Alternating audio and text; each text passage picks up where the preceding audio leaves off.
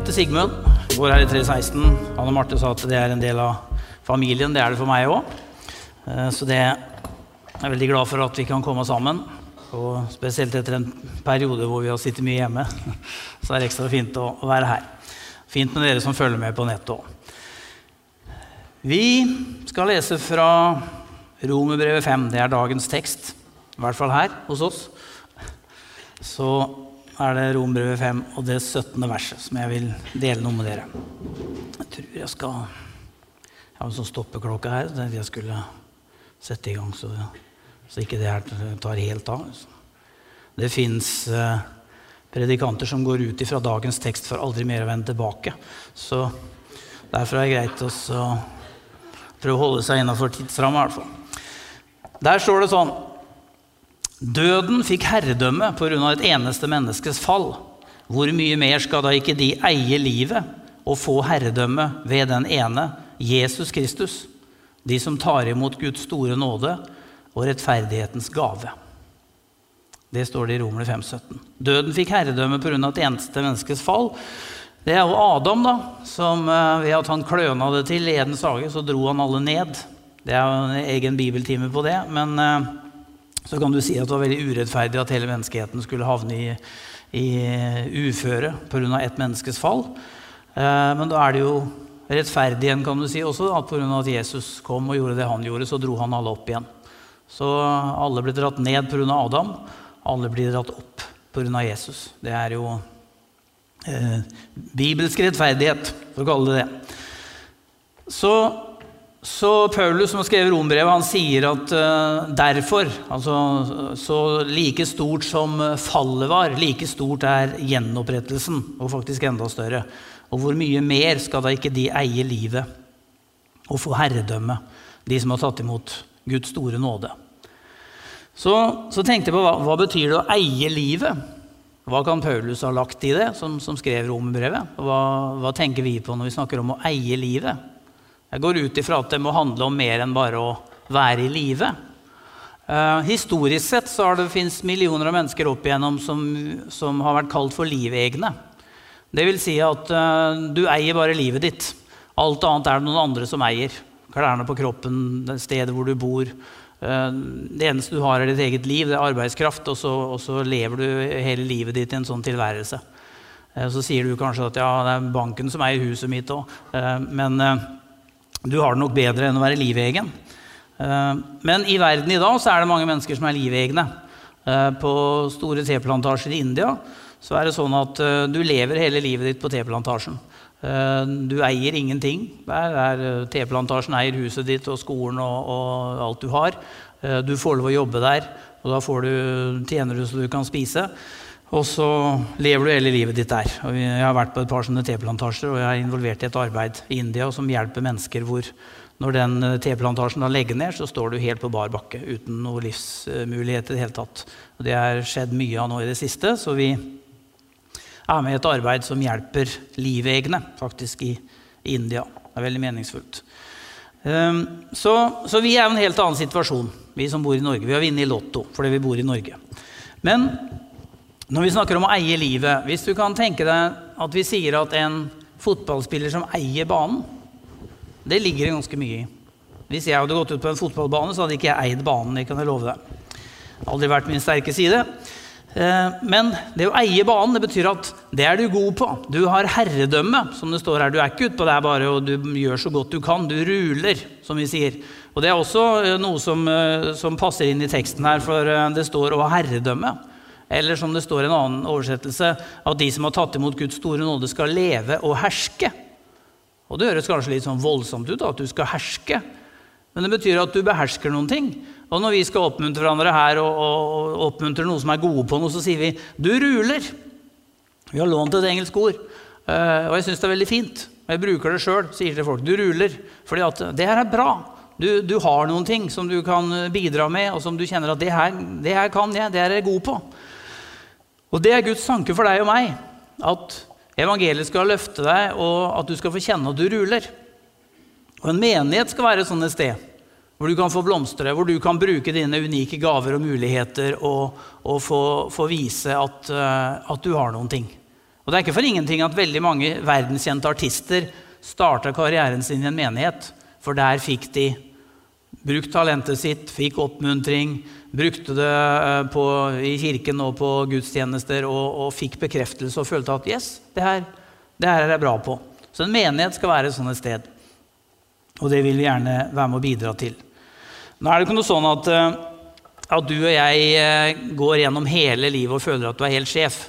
Det er nok veldig få som gjør det. Det er veldig mørkt her nå. Skulle vi hatt en håndsopprekkelse på, på hvis du føler at du er helt sjef til enhver tid. Eh, sånn er det nok ikke. Men det som er Guds tanke for deg og meg, og som vi gjerne vil også bidra med på 316, det er at du skal oppleve at du har gaver og talenter og sider ved din personlighet og, og ting som du har, som trenger å komme fram, som du skal få kjenne at yes, det her, her er bra på. Det her kan jeg bidra med. det her, Om ikke du føler at uh, du er Guds gave til verden, så har du i hvert fall, i hvert fall gaver som kan være med og, og bety noe for, uh, for verden. Så skal jeg bare få den PC-en her til å våkne igjen, så vi kan fortsette å holde oss til tekstene. Så En kjent historisk person som heter Martin Luther, han, han leste veldig mye romerbrevet. Og det var romerbrevet som var med og på en måte gjorde at han eh, begynte å tenke nytt og, og blei den han blei.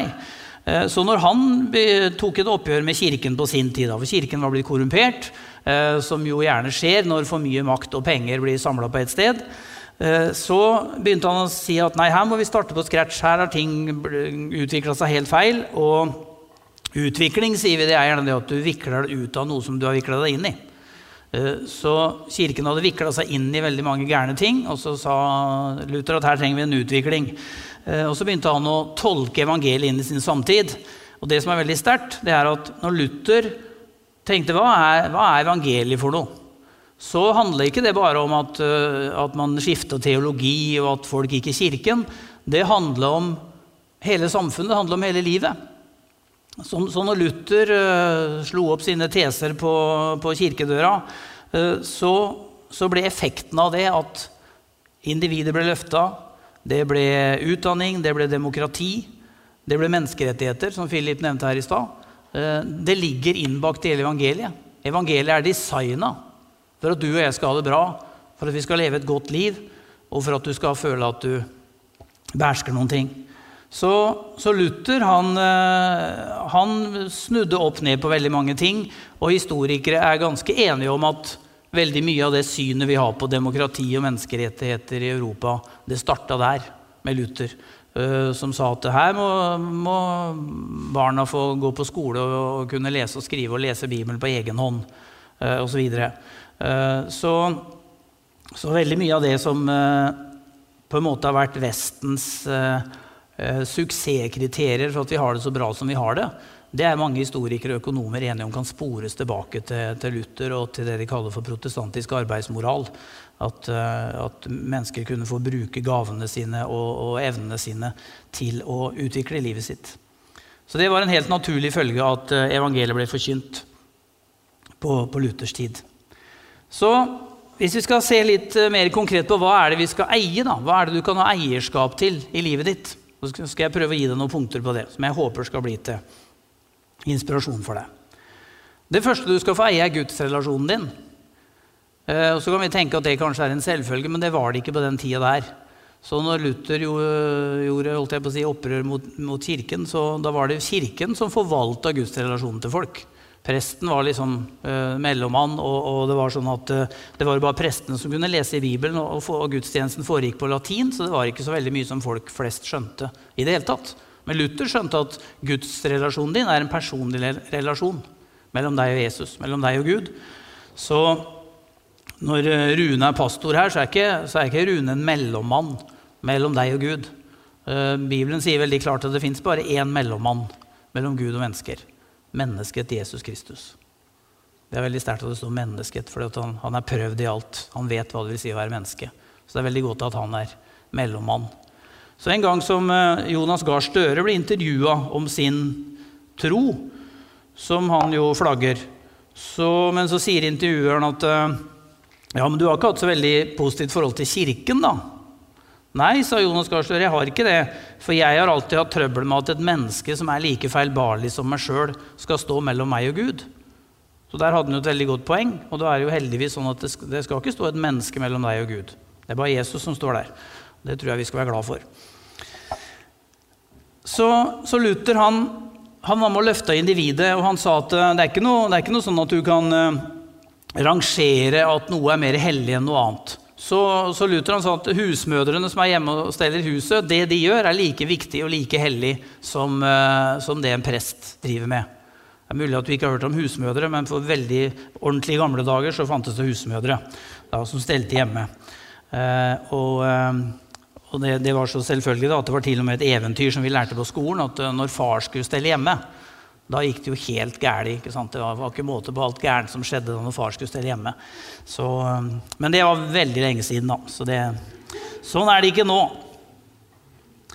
Så, men, men, det som var bra, det er at uh, fra Guds side så er det du, det du har i hjertet, de talentene du har, det du gjør for Gud Det er ikke noe rangering på at, eh, at, at vi som kanskje står mer på en, oppå en, plattform og en scene, og vi som forkynner og sånn, at det er noe mer eh, rangert som noe høyere og mer betydningsfullt i Guds rike. Heldigvis. Så Guds relasjon det er noe som er viktig at du eier, og, og det er mellom deg og Gud. Det andre du skal få eie er dine synder. Og så kan du kanskje si at ja, det var ikke så veldig positivt. Nå, nå datt det liksom litt her. Men eh, det er jo kjempeviktig å ta ansvaret for det som er ditt, også dine synder. For hvis du skal få tilgivelse og kunne legge fra deg syndene da, hos Jesus, så må du jo først innrømme at, de, at de er dine. Så det er veldig nærliggende for oss mennesker å, å slite litt med det der.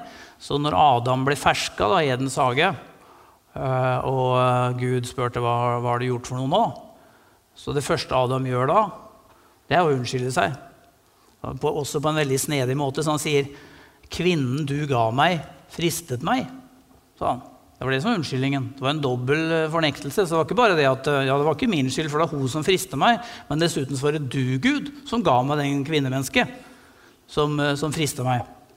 Så det lå veldig lett. Første Adam kom opp med, det var den der. ikke sant? Nice try, Adam. Det holder ikke. Eh, I 1. Johannes brev så står det Jeg tror de til og med har det her, ja. At uh, dersom vi sier at vi ikke har synd, da bedrar vi oss selv. Men dersom vi bekjenner våre synder, da er han trofast og rettferdig. Så han tilgir oss syndene og renser oss for all urettferdighet. Så det å innrømme at det var meg, det er kjempeviktig. Jeg vet ikke om du har sett den humorvideoen med han som har sånn flytskjema for problemløsning. Han med alle gule lappene. Det er en sånn humorvideo som, eh, som har versert lenge. Eh, og Det første spørsmålet han stiller da når noe har gått gærent, kan du skylde på noen? Svar ja. Problemet løst. Kan du ikke skylde på noen derimot, stakkars deg. Så um, det er, eh, det er, noe som, vi, som, er lett å si, at vi skal ha eierforhold til våre synder, men det er litt vanskelig å gjennomføre. Men det er veldig anbefalt å, å, å innrømme at dine synder er dine synder. Og så kan, få, så kan vi få tilgivelse. Det tredje du skal få eie, er din egenart. Eh, det er jo ikke for ingenting at, eh, at det er sånn at i, i, kristne sammenhenger så har vi jo en sånn slogan hvor vi sier at eh, 'kom som du er', og og bli som oss. Ja. Kom som du er, men bli som oss. Du må bare komme som du er for Jesus. Men så kommer som du er, så får, ja, men her hos oss så er det sånn. Så må du gå kledd sånn, så må du gjøre sånn. så må du, ikke sant? Uniformering. Det har det vært ikke bare i kristne sammenhenger. Det er mange miljøer som har uniformering og ensretting. At du må, her så, her så gjør vi det sånn. I Guds rike så er det mangfold.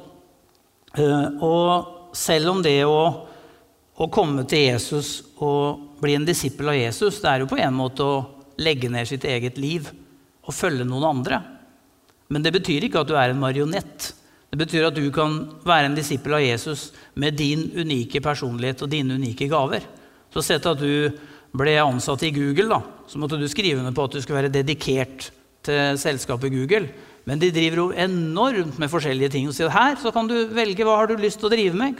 Oi, hva har jeg lyst til å drive med? Ja, Men du er dedikert til det selskapet. Du er dedikert til Jesus. Men det er et hav av muligheter hvor du kan være en disippel og bruke de gavene som eh, Gud har gitt deg, og rule. Så egenarten er viktig. Uh, fordi at uh, Vi skal ikke framstille Gud som en sånn personlig assistent som, som, flyr etter oss og skal oppfylle vårt minste ønske. Det er vi som tjener Gud, og det er vi som er disipler og det er vi som er etterfølgere. Men i det så ligger det en enorm tilfredsstillelse og glede og tilhørighet av å få være en disippel. Uh, I 2. Korinterbrev 12, 7 så står det hos hver enkelt gir Ånden seg til kjenne slik at det tjener til det gode. Altså hos hver enkelt. Det er veldig lett for å bli sånn at når, vi, når det har skjedd noe, eller når, det, når, vi, når, vi, har opplevd noe, så tenker vi automatisk at da skal andre oppleve det på akkurat samme måten. Kanskje på gudstjenester òg, så kan du gå ut av en gudstjeneste og tenke at ja, det der opplevde jeg veldig sterkt. Og en annen opplevde ikke det så veldig sterkt, men opplevde noe annet. Altså Hos hver enkelt gir Ånden seg til kjenne, slik at det tjener til det gode. Vi trenger ikke å være like, vi trenger ikke oppleve ting på forskjellig måte, eller på, på lik måte. Vi kan oppleve det individuelt. Og det tror jeg er noe av, av kjerna, eller kjennetegnet på Den hellige ånd. At uh, det er hos hver enkelt. Ja, og uh, det du også skal få eie, er dine følelser. Det er lov å ha følelser, og det er viktig å ha følelser. Uh, og Karsten Isaksen pleide å si at jeg vil eie min egen irritabilitet. Eh, ofte så kan vi si hvis vi krangler med kona, eller hvem vi krangler med, så kan vi si at 'du gjør meg rasende'. Ja, men det er jo jeg som blir rasende. Så vi kan, altså, kan skylde på noen andre og si at 'du gjør meg sånn', men det er viktig å eie, at vi eier våre egne følelser. I den forbindelse er vi så heldige her på 316 at vi har en egen blogg om følelser som heter Emosjonauten, eller Emosjonaut.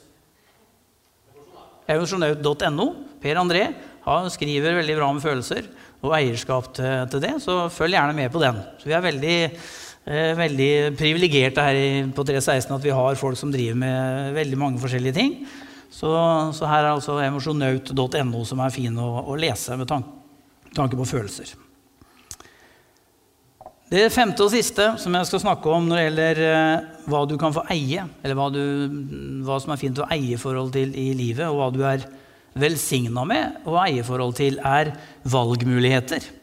Eh, I den fine sangen som vi har sunget her mange ganger, eh, 'Du vet vel om at du er verdifull', så synger jo Ingmar Olsson eh, Du passer inn i selve skapelsen.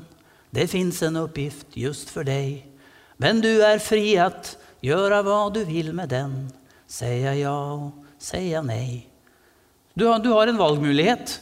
Det er ikke sånn at du er marionett, som jeg sa. Du eier valgmuligheter. Ehm, og det som, eh, Nå har vi snakka om noen eh, historiske personer her. da, eh, Luther sånn på europeisk basis. Når det gjelder i Norge, så har vi en kar som heter Hans Nilsen Hauge, som ble født opp og gjorde her på Rollsøy.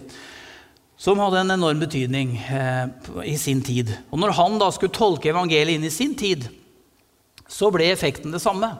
At Det handler ikke bare om at mennesker ble frelst, og at de ble kristne og begynte å gå på møter. Det handla om hele livet deres. Så det som skjedde når Hans Nilsen Hauge tenkte at hva er evangeliet for noe, når vi, når vi begynner å, å, snakke om de gode nyhetene, hva, hvilke effekter får det? Det fikk den effekten at mennesker fikk valgmuligheter. De kom ut av undertrykkelse, de kom ut av fattigdom, de kom ut av drukkenskap. Eh, de, de fikk seg jobb, de fikk seg fellesskap. Eh, de kunne begynne å ta egne valg i livet. For det hadde ikke vært vanlig fram til da. Så, så det som eh, er veldig sterkt, er at når Karsten Alnes, en kjent historiker i Norge, når han skrev norgeshistorien, ca. på 90-tallet, tenker jeg, svær eh, fembindssak som er verdt å lese. Kanskje ikke alle fem bindene, men det er veldig, veldig, mye bra der. Jeg har lest en del av det. Så sier han, mulig han ble spurt i et intervju, hvis du skal velge deg ut én person i norgeshistorien som er din favorittperson, hvem ville det bli? Og da sier han det må bli Hans Nilsen Hauge. Han var den første moderne nordmann, sa Karsten Alnes. Det er veldig sterkt, for hva, hva, var det som kjennetegna Hans Nilsen Hauge? Jo, han svarte på Guds kall i livet sitt. Han satte det ut i livet og begynte å leve ut evangeliet sånn som han opplevde det.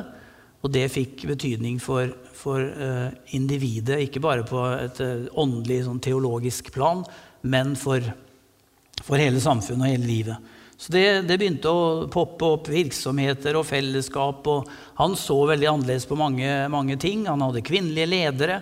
Han var veldig tidlig ute. Han ville være med å legge til rette for at de som var, var eh, handikappa på forskjellig vis kunne få plass i arbeidslivet. Og han, eh, han sa at lærerne burde tjene bedre, kunne tjene bedre, så kunne heller prestene tjene litt mindre.